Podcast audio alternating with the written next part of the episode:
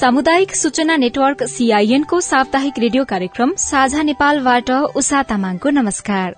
कार्यक्रम साझा नेपाल सामुदायिक रेडियोहरूको छाता संगठन सामुदायिक रेडियो प्रसारक संघ अगोराबद्वारा संचालित सामुदायिक सूचना नेटवर्क सीआईएन मार्फत देशभरि प्रसारणमा रहेका तीन सय भन्दा बढ़ी सामुदायिक रेडियोबाट सुन्न सकिन्छ। साझा नेपाल कममा इन्टरनेट मार्फत चाहेको बेला विश्वभरि सुन्न सकिन्छ भने मोबाइल एप सीआईएन र हाम्रो फेसबुक पेज सीआईएन खबर मार्फत पनि सुन्न सकिन्छ। कार्यक्रम साझा नेपालको आजको अंकमा हामी रासायनिक मल प्रयोगका कारण माटोमा परेको असर र न्यूनीकरण गर्ने उपायका विषयमा छलफल गर्नेछौ। पहिलो पटक सन् उन्नाइस सय तीनमा हड्डीलाई सल्फ्युरिक एसिडसँग मिसाएर रासायनिक मलको विकास गरिएको थियो। विश्वमा बढ़दो जनसंख्या र खाद्यान्नको मागलाई परिपूर्ति गर्न उन्नाइस सय पचासको दशकपछि रासायनिक मलको प्रयोग निकै बढ़ेको अनुसन्धानकर्ताहरूको दावी छ। त्यस यता छोटो समयमा उत्पादन बढ़ाउने उपायका रूपमा किसानले रासायनिक मलको प्रयोगलाई निरन्तर बढ़ाउँदै लगेका छन्। यसले माटोको आफ्नै उर्वरा शक्तिलाई भने घटाइरहेको छ। सरकारले उत्पादन बढ़ाएर अर्थतन्त्र सुधारको नीति लिएको छ तर यही हिसाबले माटोमा अम्लियपन बढ़े उत्पादन स्वत घट्दै जाने विज्ञहरू बताउँछन्। तत्काल यो समस्या रोक्न नसके केही वर्षभित्र फलफूल लगायत बाली उत्पादन शून्यमा झर्न सक्ने चिन्ता विज्ञहरूलाई छ। एकजना माटो विज्ञ बलराम रिजालसँग यसै विषयमा साथी अविनाश आचार्यले कुराकानी गर्नुभएको छ।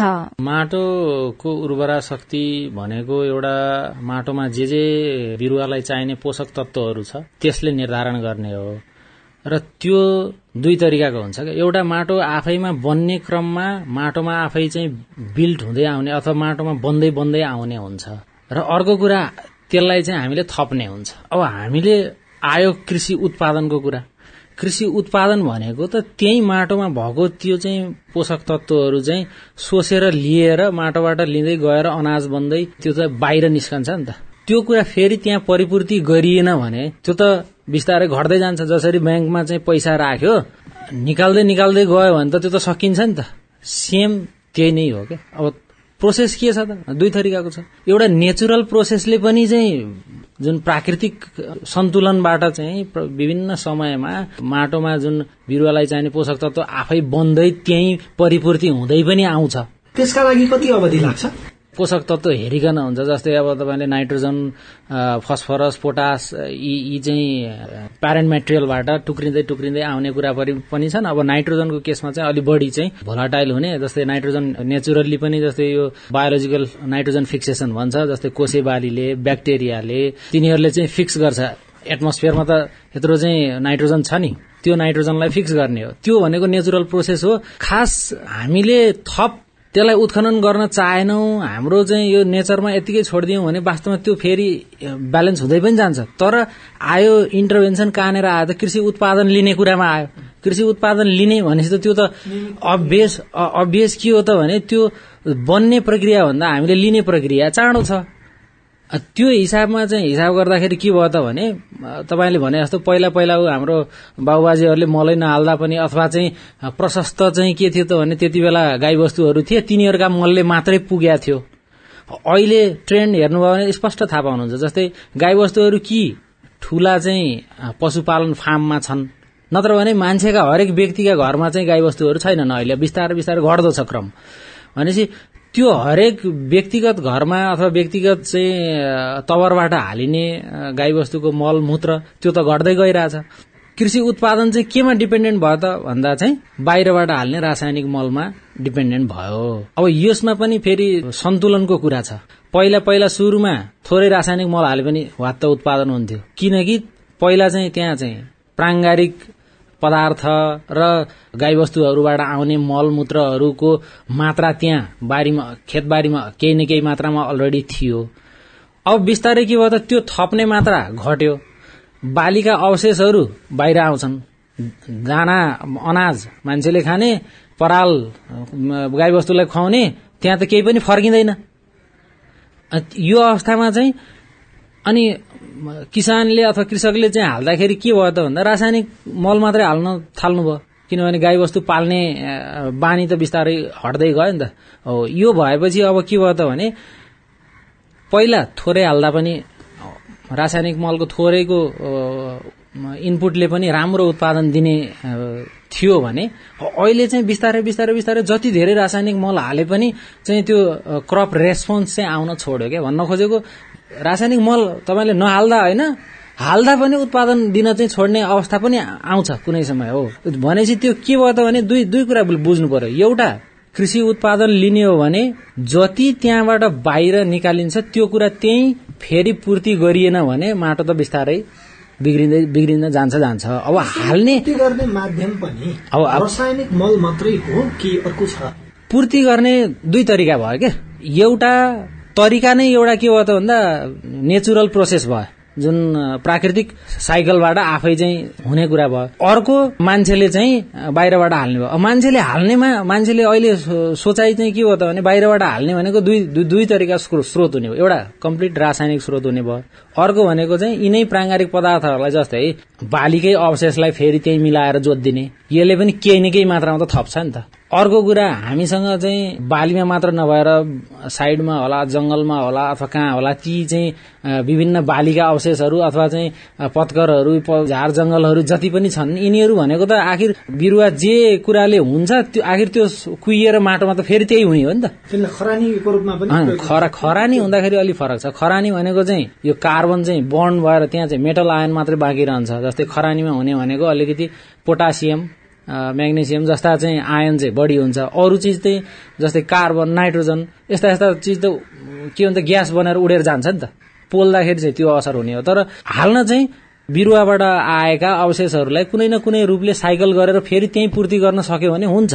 तर अब कुरा आयो यहाँ के भयो त भने अहिले मैले खेत बाली लगाउँदाखेरि जति मात्रामा रासायनिक मल हाल्थे त्यति मात्रा पुग्ने यो चाहिँ प्राकृतिक स्रोतहरू त धेरै चाहियो नि त। हो समस्या त्यहाँनिर हो क्या? रासायनिक स्रोतले मात्रै हुँदै नहुने चाहिँ होइन। होइन रासायनिक स्रोत नभएपछि हुँदै नहुने उत्पादनै नहुने भन्ने त होइन नि त किनभने रासायनिक मलको आविष्कार भएकै चाहिँ धेरै समय भएको छैन। भने त्यहाँभन्दा अगाडिदेखि नै उत्पादन हुँदै त आएको उत्पादन त हुन्छ तर रासायनिक मलबाट जाने जुन तत्त्वहरूको मात्रा पुर्याउनलाई ती प्राकृतिक वस्तु प्राङ्गारिक वस्तुहरू अलि धेरै मात्रामा चाहिन्छन्। त्यो भएर हामी चाहिँ के भन्छौँ त भने यो दुईटाको सन्तुलन बनाएर जानुपर्छ क्या। त्यो सन्तुलन बनाउने चाहिँ कसरी? अर्को कुरा म तपाईँलाई फेरि अर्को कुरा थप्छु। रासायनिक मल प्रयोग गर्नाले माटो अमिलो हुन्छ र अमिलो माटोमा उत्पादन कम हुन्छ भन्छन् केही विज्ञहरूले। त्यस्तै हो। रासायनिक मलले अम्लीयपना बढाउने भन्ने चाहिँ जस्तै हुन्छ जस्तो कस्तो हुन्छ भने विशेष गरी नाइट्रोजन युक्त रासायनिक मलले। अब युरिया अथवा एमोनियम सल्फेट यिनीहरूको के हुन्छ त प्रोसेस भने तिनीहरू चाहिँ युरिया अथवा एमोनियम सल्फेट यत्तिकै हालेर यत्तिकै चाहिँ बिरुवाले लिने त होइन नि त। त्यो चाहिँ ब्रेकडाउन हुन्छ अथवा चाहिँ त्यो टुक्रिनु पर्छ र बिरुवाले लिन सक्ने जुन आयन अथवा चाहिँ मोलिकुलमा चेन्ज हुन्छ त्यति बेला चाहिँ यो विभिन्न प्रोसेसबाट टुक्रिनुपर्छ र त्यो टुक्रिँदाखेरि चाहिँ त्यहाँ त्यसले चाहिँ माटोमा अम्लीय बनाउने प्रोसेस चाहिँ हुन्छ। हो त्यो चाहिँ सत्य हो।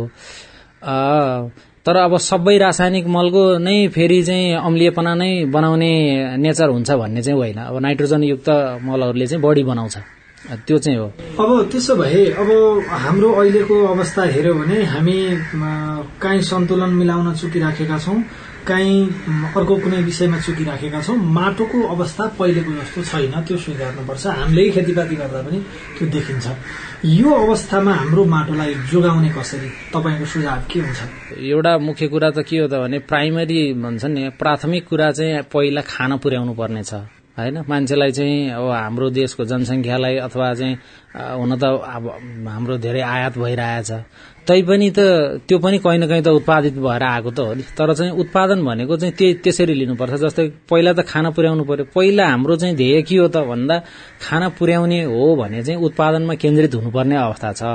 त्यही भएर उत्पादनमा केन्द्रित हुँदाखेरि रासायनिक मललाई लिएर त्यति नकारात्मक रूपमा लिनुपर्ने अवस्था छ जस्तो लाग्दैन। किनभने नेपालमा प्रयोग हुने रासायनिक मलको मात्रा विश्वका अन्य देशमा हुने भन्दा धेरै तल छ होइन? तर यसो भन्दै गर्दा चाहिँ के बिर्सनु भएन त? भन्दा रासायनिक मलमा मात्रै चाहिँ जानुपर्छ भन्ने चाहिँ होइन। त्यो तेलले तेलले चाहिँ यो मैले किन पनि सोध्दै थिएँ भने हरेक वर्ष किसान एक समयमा मलका लागि मात्रै निर्भर भएर बस्छन्।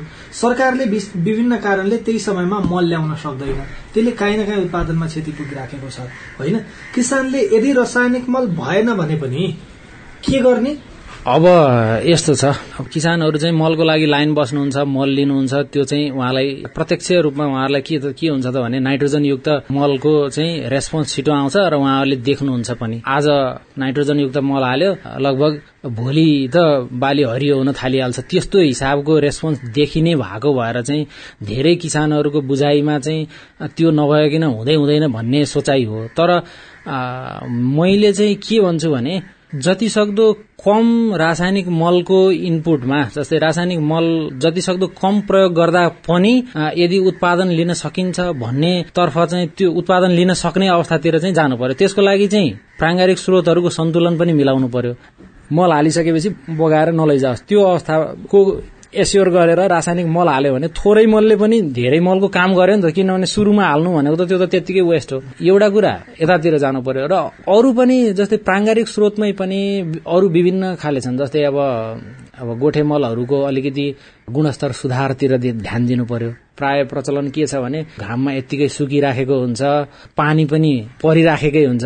त्यो भनेपछि पानी पनि पर्ने घाम पनि लाग्ने भयो भने त त्यो पानीले बगाएर लान्छ चुहेर तत्वहरू नाश हुन्छ भने घामले चाहिँ त्यो उडाएर नाश हुन्छ। भनेपछि त्यो गोठेमल सुधार गर्ने केही न केही उपायहरू छन् नि त। जस्तै त्यो छापो हाल्ने बारीमा लगेर हाल्ने बेलामा धेरै समय नसुकाउने जहिले जोत्ने हो जोत्नुभन्दा ठिक अगाडि मात्रै चाहिँ त्यो गोठेमलहरू प्रयोग गरेर माटोमा मिलाइहाल्ने यस्ता यस्ता कुराले चाहिँ गोठेमलको प्रभावकारिता पनि बढाउनु पर्यो। र अर्को अर्को कुरा जस्तै विभिन्न चाहिँ जैविक मलहरू बाली हेरिकन विभिन्न खाले जीवाणुहरू जुनले चाहिँ यो वातावरणमा भएको नाइट्रोजन स्थिरीकरण गर्न सहयोग गर्छन् यस्ता जैविक मलहरूको पनि प्रयोग गर्ने। र धानमै भन्ने हो भने त अझ चाहिँ प्रभावकारी चाहिँ यो हरियो मल धैँचा। धैँचा भनेको चाहिँ हरियो मलै हो त्यो चाहिँ कस्तो हुन्छ भने लगाइन्छ खेतबारीमा लगाइन्छ र त्यसलाई लगभग चाहिँ चालिस पैंतालिस दिनको स्टेजमा चाहिँ त्यसलाई चाहिँ त्यही जोतिन्छ। त्यो जोतेर चाहिँ अब पानी लगाएर जोतेको हप्ता दस दिन छोड्यो भने त त्यसपछि त्यो एकदम राम्रो चाहिँ कुहिएर चाहिँ राम्रो मलको चाहिँ काम गर्छ। अब यस्ता विकल्पमा चाहिँ जानुपर्छ। अघि तपाईँले भने जस्तो अब उत्पादनै लिन नसकिने होइन। तर त्यसले यथेष्ट नपुग्न सक्छ नि त सुरुवाती चरणमा जुन किनभने हाम्रो माटो त बिस्तारै बिस्तारै माइनिङ भइरहेछ नि त। त्यो अघि मैले भनेको कुरा जस्तै हामीले चाहे जति उत्पादन लिने र अनाज पनि लिने र त्यहाँका चाहिँ पराल डाँठ सबै लिने त्यहाँ फिर्ता नगर्ने। त्यो भएपछि त त्यहाँबाट लिएको जति सबै बाहिरिने भयो क्या। होइन त्यो त्यहीँ साइकल नहुने भयो। त्यसरी त त्यो त माइनिङ हुँदै गयो नि त। अब त्यो कुरा चाहिँ धेरै माइनिङ भइसकेको सोइलमा एकैचोटि चाहिँ अब प्राङ्गारिक पदार्थबाट अथवा प्राङ्गारिक मलहरूबाट मात्रै उत्पादन लिन्छु भन्दा घट्न सक्छ थोरै हुन सक्छ अथवा चाहिँ किसानलाई त्यतिले नपुग्न सक्छ नि त। तर यो कुरालाई ख्याल गरेर सुरुमा चाहिँ सन्तुलित मलको प्रयोगतिर ध्यान दिने र रासायनिक मलहरू चाहिँ प्रयोग गर्दा चाहिँ तिनीहरूको चाहिँ इफिसियन्सी बढाउने तरिकाले प्रयोग गर्ने। र बिस्तारै बिस्तारै चाहिँ त्यो सन्तुलन ल्याउने र रासायनिक मलहरूको चाहिँ एमाउन्ट घटाउँदै लग्यो भने कुनै कुनै बाली र कुनै कुनै क्षेत्रहरूमा रासायनिक मल बिना नै चाहिँ उत्पादन जस्तै अर्ग्यानिक पकेट्सहरू अर्ग्यानिक जोनहरू बनाएर चाहिँ पनि त उत्पादन लिन सकिन्छ। त्यो चाहिँ सबै क्षेत्रलाई चाहिँ गर्छु भन्दा चाहिँ त्यो फेरि अलि उपयुक्त नहुन पनि सक्छ। उहाँ हुनुहुन्थ्यो माटो विज्ञ बलराम रिजाल। तपाई अहिले कार्यक्रम साझा नेपाल सुन्दै हुनुहुन्छ। आजको कार्यक्रममा हामी रासायनिक मल प्रयोगका कारण माटोमा परेको असर र न्यूनीकरण गर्ने उपायका विषयमा छलफल गर्दैछौ। प्राविधिक मापदण्ड अनुसार तीन भाग युरियाको प्रयोग गर्दा दुई भाग डीएपी र एक भाग पोटास अनिवार्य हुन्छ। तर पछिल्लो समयमा युरियाको मात्रा बढ़ी प्रयोग गरेका कारणले माटोमा उर्वरा शक्ति प्रत्येक वर्ष रास हुँदै गएको माटो विज्ञहरू बताउँछन्। घट्दै गएको माटोको उर्वरा शक्ति बढ़ाउने उपायबारे बाली विकास तथा कृषि जैविक विविधता संरक्षण केन्द्रका प्रमुख डाक्टर रामकृष्ण श्रेष्ठसँग हामीले कुराकानी गरेका छौं। के पनि हेर्नुपर्छ भन्दा पछिल्लो हामीहरूको अहिलेको खेती प्रणाली खेती प्रणाली भनेको अब यो हाम्रो यो एक्स्ट्रा इनपुट भन्छौँ यो मल विषादी होइन यसमा बढी नै निर्भर छ। पहिला पहिलाको हाम्रो पिता पुर्खाहरूले यो मल विषादी प्रयोग नगरेर पनि खेती गर्थे होइन। त्यति बेला दुई तिनवटा कुराहरू थियो। एकपल्ट जनसङ्ख्या कम थियो उत्पादन कम भए पनि पुग्थ्यो त्यो हिसाबले यसको आवश्यकता पनि थिएन। अर्को कुरा हामीले ग्रिन रिभोल्युसन भन्ने यो हरित क्रान्ति भन्ने जब सुरु भयो होइन? यो उन्नाइस सय साठीको दशकमा जब सुरु भयो त्यसले चाहिँ अब त्यति बेला चाहिँ संसारको निकै ठुलो जनसङ्ख्यालाई यो ग्रिन रिभोल्युसनले चाहिँ यो भोकमरीबाट बचाएको हो क्या? र त्यो ग्रिन रिभोल्युसनमा चाहिँ यही कुराहरू थिए। बाह्य तत्त्वहरू भनेको मतलब मल प्रयोग होइन? रासायनिक मलको प्रयोग हाई इनपुट युज भन्छ होइन? त्यो खालको थियो मल विषादी। त्यसपछि गएर धेरै उत्पादन दिने जात होइन? यस्तो कुराहरू त्यति बेला इन्ट्रोड्युस भएको थियो र त्यसले चाहिँ धेरै मान्छेलाई भोकमरी मुखबाट जानबाट बचाएको थियो। र त्यहाँदेखि लिएर गएर अहिलेसम्म पनि एक खालको वर्ल्ड वाइड नै अब यो हाम्रो यही यसलाई अब विभिन्न नामले भनिन्छ। होइन यसलाई केमिकल एग्रिकल्चर अथवा हाई इनपुट बेस्ड एग्रिकल्चर यो भनिन्छ। अहिलेको पनि हाम्रो उत्पादन प्रणाली यही नै हो। त्यो नै हामीले फलो गरिराखेका छौँ। यसले नेपालमा पनि खाद्य सुरक्षा सुधार गर्नमा ठूलो योगदान दिएको त्यसमा शंका छैन। तर पछिल्लो समय जस्तो खालको यसका नकारात्मक असरहरू देखियो। त्यसको बारेमा अहिले संसारव्यापी रूपमा एक खालको बहस र त्यसको एउटा विकल्पको रूपमा प्रयासहरू भइरहेको अवस्था हो। त्यो भनेको मतलब अब उत्पादन त त्यति बेला बढ्यो होइन? तर त्यसले अन्य पक्षमा हाम्रो वातावरणमा हाम्रो माटोमा होइन? त्यसपछि गएर मानव स्वास्थ्यमा त्यसले असर पुर्यायो। त्यो कारणले गर्दा विकल्पमा जानुपर्छ भनेर अहिले खोजी भएको अवस्था हो। त्यस कारणले अब हाम्रो कुरा गर्नुहुन्छ भने नेपाल सरकारले यो तुरुन्तै अहिले हामी चाहिँ यो जुन अहिले हामीले केमिकल एग्रिकल्चरको कुरा गऱ्यौँ भनेको मतलब अब यो बाहिरबाट मल बिउ विषादी बढिहाल्ने होइन हाइब्रिड टेक्नोलोजी यो सबैको विकल्प अहिले हामीले अहिले नै हामीसँग त्यो विकल्प छैन अहिले नै होइन? तर बिस्तारै फेरि त्यसको कहीँ न कहीँ ब्यालेन्स सन्तुलन आवश्यक छ। त्यो किन आवश्यक छ भन्दा अघि भनेको जस्तै अब यो जलवायु परिवर्तन लगायतको कारण एउटा कारक चाहिँ यो अहिलेको हाम्रो खेतीपाती प्रणाली पनि हो। यसको ग्रिन हाउस ग्यास तपाईँलाई बताउँ अब हाम्रो एग्रिकल्चरबाट मात्रै अहिले हाम्रो एक चौथाइ हाम्रो यो ग्रिन हाउस ग्यास इमिसन चाहिँ एग्रिकल्चर कारणले हुन्छ भन्छ होइन? त्यो कारणले यो खालको खेती प्रणाली दिगो होइन। यो अहिले संसारव्यापी रूपमा अहिले छलफल बहसको विषय छ। त्यसो भए त्यो विकल्प के हो? विकल्प के भन्ने कुरा गर्दाखेरि अहिलेको अहिले त्यो तुरुन्तै पुरै विकल्प भन्ने हामीसँग छैन मैले अहिले पनि भने होइन? त्यो विकल्प के कारणले पनि छैन भन्दाखेरि चाहिँ हामीले जस्तो खालको त्यो सोयल भनेको एउटा लाइभ लाइभ अथवा एउटा जीवित एउटा माटो भनेको। एकमुठी माटो यसमा दिनुभयो भने यो संसारको अहिले जति जनसङ्ख्या छ त्योभन्दा बढी यहाँ सूक्ष्म जीवहरू हुन्छ यसले नै तपाईँको यो पुरै हाम्रो यो उत्पादन प्रणाली यो सबैलाई यसले नै अडाएको छ थेरिएको छ। र पछिल्लो चरण जस्तो अब हाम्रो खेतीपातीको प्रणाली पनि यसले गर्दा त्यो अहिलेको हाम्रो चाहिँ निकै ठूलो नकारात्मक असर परेको छ। र वैज्ञानिकहरूले भनिसकेका छन् यही खालको हाम्रो खेती प्रणाली रह्यो भने अबको पचास वर्षमा चाहिँ माटोमा आफैमा चाहिँ बाहिरबाट हालेन भने नाइट्रोजन तत्व रहँदैन भनेको छ। त्यसै गरिकन जमिन मुनि भएका जुन चाहिँ हाम्रा हाम्रो लागि चाहिँ ती भनेका हाम्रा भन्नुहोस् न जीवन एक खालको हामीलाई बचाउने खालको ती जीवहरू हुन्। तिनीहरूको जनसङ्ख्या हाम्रो खेती प्रणालीले गर्दाखेरि मर्दै गएको छ। त्यो कसरी भएको छ त भन्दाखेरि चाहिँ अत्याधिक रासायनिक मलको प्रयोग होइन विषादीको प्रयोगले गर्दा तिनीहरूको पपुलेसन तिनीहरूको जनसङ्ख्या तिनीहरूको वृद्धि विकास हुने कुराहरू सबैमा त्यसले अवरोध गराएको छ डिस्टर्ब गरेको छ।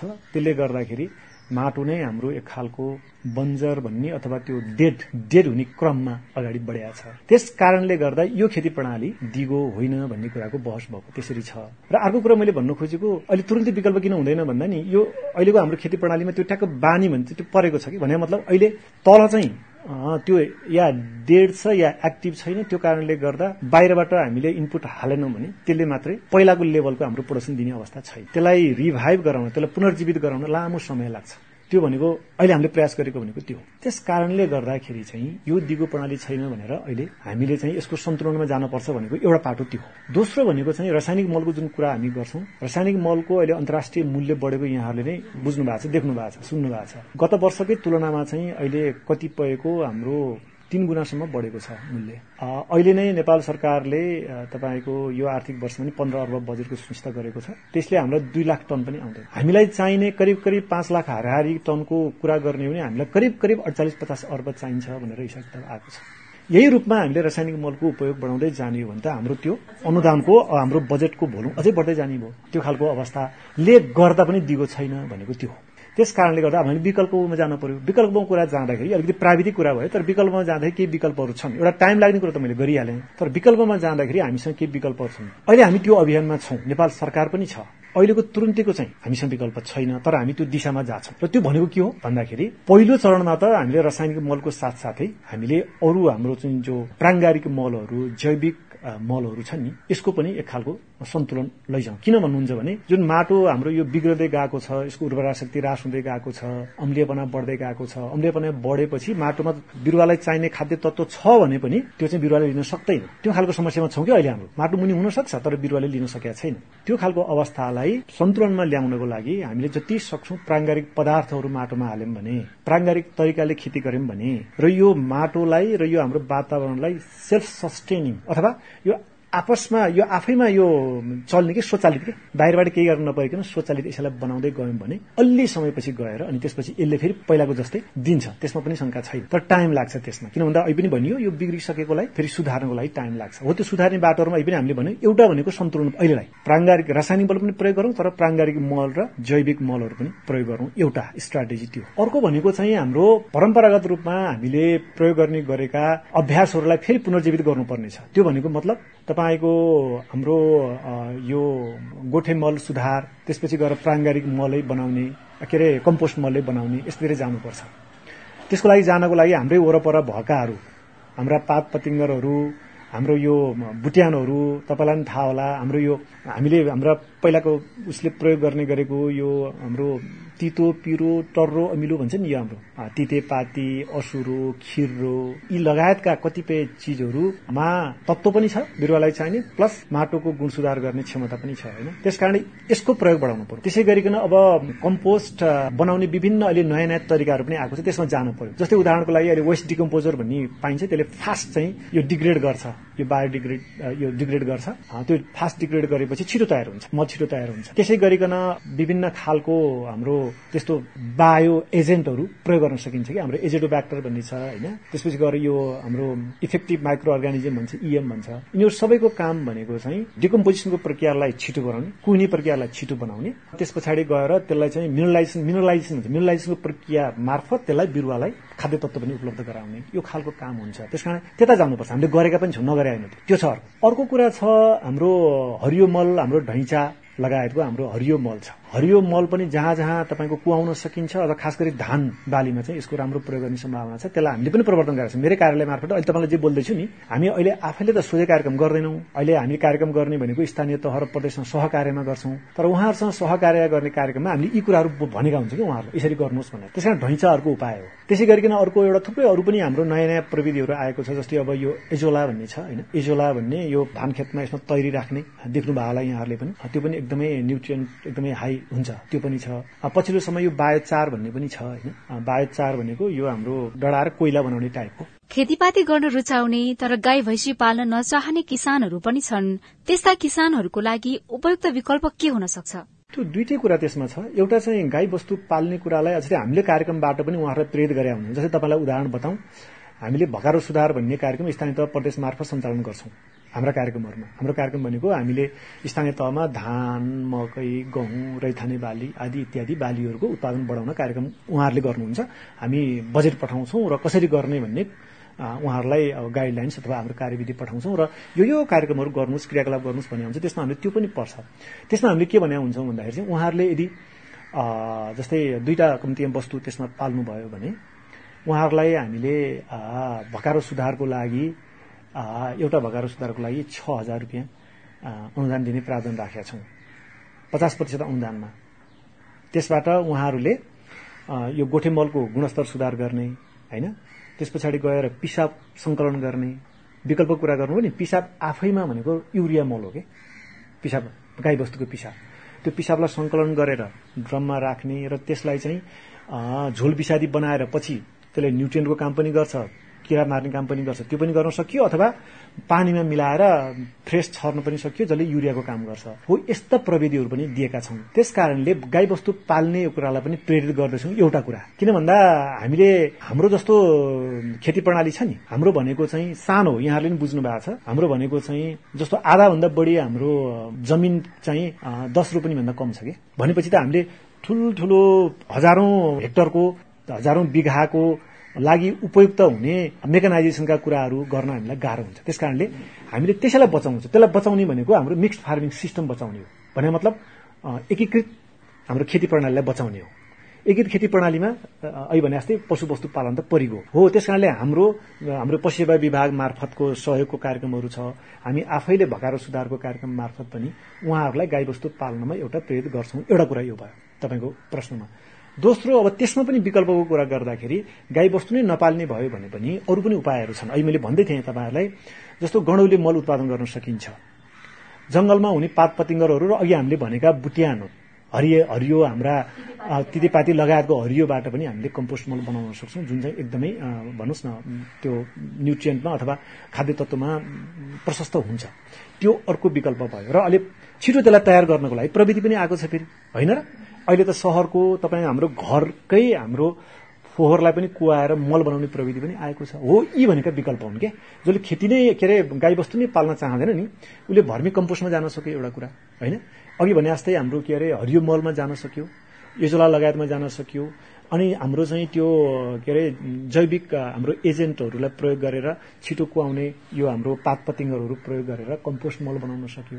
यो चाहिँ उहाँहरूको लागि विकल्प हुन सक्छ भन्ने लाग्छ। तपाईँले भन्नुभयो जस्तै विकल्पको प्रयोग गर्दै जाने हो भने रासायनिक मलमा जति पनि किसानहरू अहिले निर्भर हुनुहुन्छ के यो अवस्था न्यूनीकरण हुन सक्ला?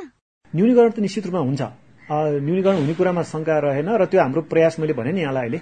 पछिल्लो समय जस्तो खालको हामीले यो समस्या बिहोर्दैछौँ दुईटा कारणले। एउटा अन्तर्राष्ट्रिय बजारमा भएको त्यसको मूल्यवृद्धिको कारणले दिगो हुँदैन भन्ने कुरा अर्को चाहिँ यसले जलवायु परिवर्तनमा पारेको असर र हाम्रो ह्युमन हेल्थमा मान्छेको स्वास्थ्यमा माटोको स्वास्थ्यमा वातावरण पारेको असर। यो दुइटै कारणले दिगो छैन भन्ने कुराको यो हाम्रो बोध भएको छ रियलाइजेसन भएको छ। अहिले तत्कालको विकल्प नभएर हामीले यसलाई यसलाई सँगै लिएर हिँड्नु जानु परेको छ। तर अहिलेको तरङ तुरन्तैको हाम्रो स्ट्राटेजी भनेको अहिले पनि मैले बनाएँ नि भने नि यहाँलाई। अहिलेको हाम्रो रणनीति भनेको चाहिँ सन्तुलन। रासायनिक मलको खपत बिस्तारै कम गर्दै जाने र यो हाम्रो अरू हाम्रो वैकल्पिक उपायहरू छ नि त्यसलाई बिस्तारै बढाउँदै लाने हो। त्यसो गर्यो भने सकिन्छ समय लाग्छ र त्यसको सरसर्ती हेर्दा त्यसको विकल्प पनि देखिँदैन। हामीले अहिलेको कुरा छोडौँ हामीले हाम्रा बालबच्चा हाम्रा भन्नुहोस् न भावी पुस्ताको हिसाबले सोच्ने हो भने रासायनिक मलको विकल्पमा हामी जानै पर्छ नेपालमा हरेक वर्ष झण्डै तेह्र अर्ब रूपियाँ बराबरको रासायनिक मलको कारोबार हुने गरेको कृषि मन्त्रालयको तथ्याङ्क छ। यसका लागि सरकारी कोषबाट मात्रै सातदेखि नौ अर्ब रूपियाँ बाहिरिने गरेको छ। अब भने हामी कार्यक्रम साझा नेपालको अन्त्यमा आइपुगेका छौं। साझा नेपाल तपाईंलाई कस्तो लाग्यो? हाम्रो टेलिफोन नम्बर शून्य एक बान्न साठी छ चार छमा फोन गरेर आफ्नो जिज्ञासा सल्लाह सुझाव तथा प्रतिक्रिया रेकर्ड गर्न सक्नुहुन्छ। हवस् त आउँदो साता आजकै समयमा फेरि रेडियो कार्यक्रम साझा नेपाल लिएर उपस्थित हुनेछौ। त्यतिन्जेलसम्मका लागि प्राविधिक साथी सुभाष पन्तलाई धन्यवाद दिँदै उषा तामाङ विदा हुन्छु। आउँदो साताको साझा नेपालमा फेरि भेटौंला। नमस्कार।